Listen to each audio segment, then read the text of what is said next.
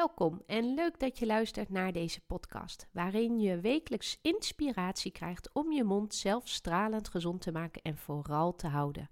Dit is jouw podcast Steun in de Rug, zodat je meer zelfverzekerd kan gaan genieten van jouw leven. Dit is de Stralend Gezonde Mond podcast.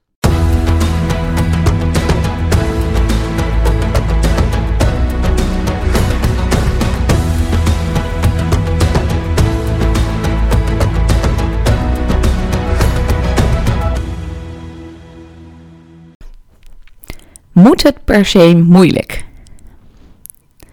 Veel mensen ervaren tandenpoetsen als iets wat we ook nog even moeten doen. Iets wat je mondhygiënist zegt, het huiswerk van de tandarts. Ehm, de meeste mensen vinden het saai. Ehm, er zijn ook mensen die echt het liever niet willen doen. Die zouden echt het heel fijn vinden om een pilletje te slikken. In de hoop dat het daarmee goed is.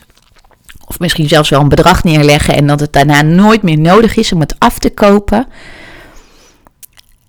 Alleen helpt dat niet. Hè?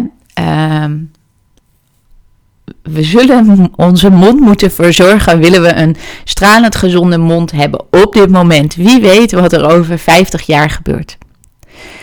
En ik hoor ook zoveel ouders waarbij het tandenpoetsen met hun kind een strijd is. Ze hebben eigenlijk niet door waarom het niet lekker loopt, maar het trekt hun leeg. Het zorgt dat ze de slechtste persoon worden. want uh, kinderen zijn zo in staat om um, ons zo te triggeren dat we direct ontploffen. Maar dat is helemaal niet wat we willen. En bovendien, als tandenpoetsen een strijd is, levert het ook nog niet eens die stralend gezonde mond op. Dus je hebt echt een heleboel gedoe met helemaal weinig resultaat. Dus de vraag is, ja, waarom? Moet het dan per se moeilijk? Als je mij die vraag stelt, is het antwoord volmondig nee. Alleen heeft het zo weinig zin om mij die vraag te laten beantwoorden.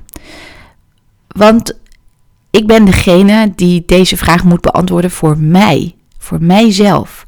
En dat is dan ook de reden waarom het zo weinig zinnig is om mijn antwoord te horen. Het is heel interessant om te gaan onderzoeken wat jouw antwoord is. Want jouw gedachten bepalen jouw acties. Dus wat vind je eigenlijk? Moet het per se moeilijk? En als je dan eens na gaat denken over je antwoord, van wat maakt dat je er zo over denkt? Waarom denk je wat je denkt? En hoe beïnvloedt dat wat je doet hè, op deze gedachte? Alles begint bij een gedachte. Want onze gedachten bepalen onze emoties. Hoe wij een situatie Ehm, beleven, gevoelsmatig, en hoe wij die onder woorden brengen. En dat heeft direct weer effect op, um, op onze handelen en onze acties. En als we die maar lang genoeg herhalen, wordt het een gewoonte. En het maakt eigenlijk niet uit of dat een gewoonte is die gezond is of een gewoonte is die ons niet dient. Als we een actie maar herhalen en herhalen, wordt het vanzelf een gewoonte. En dan is het een onderdeel geworden van ons karakter, van onze persoonlijkheid. Het is zeg maar een automatisme geworden. En laat het nou ook nog eens zijn dat dus 85% van onze persoonlijkheid bepaalt welk resultaat we behalen. En dat wordt dus weer bepaald door die ene gedachte. Het is dus echt heel zinnig om in stil te staan bij jouw gedachten, bij jouw overtuigingen. En als je tevreden bent over het resultaat, ja, dan is het natuurlijk helemaal niet iets waar je heel lang over stil, uh, bij stil hoeft te staan. Misschien alleen in de zin van waarom lukt me het dan? dat je stilstaat bij uh, wat maakt dat je dan zo succesvol daarin bent. Waarom lukt het mij om dat resultaat te behalen? Wat doe ik wat uh, bijdraagt aan dat resultaat? Maar als je niet zo tevreden bent over het resultaat, ja, dan is het zinniger om er wat langer bij stil te staan. Om eens te gaan analyseren wat zijn mijn gedachten, wat zijn mijn overtuigingen en van wie zijn die eigenlijk? Is dat echt mijn gedachte of heb ik die meegekregen vanuit mijn jeugd? En is dat iets wat mij helemaal niet meer, of wat bij me past? En daarbij mag je dan ook vragen van, ehm, mag je ook hulp vragen van jezelf? Of vind jij dat je eigenlijk alles zelf moet ontdekken? En misschien moet je ook nog wel uh, de vraag beantwoorden: moet je wel alles weten? Hè?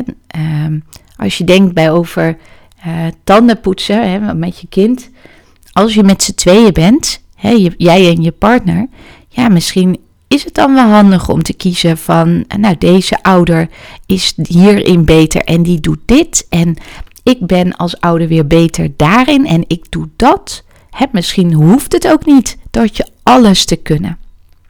Maar het is eerst is de vraag: wat zijn jouw gedachten? En die hangen dus weer samen met: ben je tevreden met het resultaat wat je krijgt? En ik ben ontzettend nieuwsgierig wat jouw gedachten zijn. Want zodra jij bewust bent van je gedachten, ben je ook in staat om het te blijven doen op de manier zoals je het nu doet. Of het toch anders te gaan aanpakken, omdat je dus dat andere resultaat wil. Dus de vraag is: wat is jouw antwoord op de vraag: moet het per se moeilijk? Sta jij toe dat het moeilijk gaat? Of besluit je juist dat het ook prettig mag zijn? En als je dan besluit van ja, mijn gedachten zijn niet uh, ondersteunend genoeg, dan is het ook eens zaak om te kijken welke kennis heb ik dan nog nodig om mijn gedachten te veranderen? Want misschien weet je eigenlijk te weinig over tandplak. Wat tandplak is, hoe het, wat het doet, uh, hoe het zich vormt. Misschien weet je nog te weinig uh, over uh, welke invloed jij hebt op de vorming van tandplak. Um, of misschien wel over gaatjes en tandvleesproblemen in het algemeen. En misschien mag je ook nog wel wat hulp vragen um, om de juiste strategie te krijgen. Of misschien zelfs wel hulp om uh, je mindset, om jouw gedachten te veranderen. Misschien mag je daar hulp bij vragen. Maar eerst stilstaan bij jouw gedachten. Welke gedachte bepaalt jouw acties? Ik hoop dat ik je vriendelijk wakker heb geschud met deze podcast. Ik vind het superleuk om te horen hoe jij het hebt ervaren. Dus als je het mij wil laten weten, stuur me dan een mailtje naar bali.tandartsloes.nl of stuur me een DM op mijn Instagram-account Tandartsloes. Ik hoop dat je dit tof vond en heel graag tot de volgende aflevering. Doeg!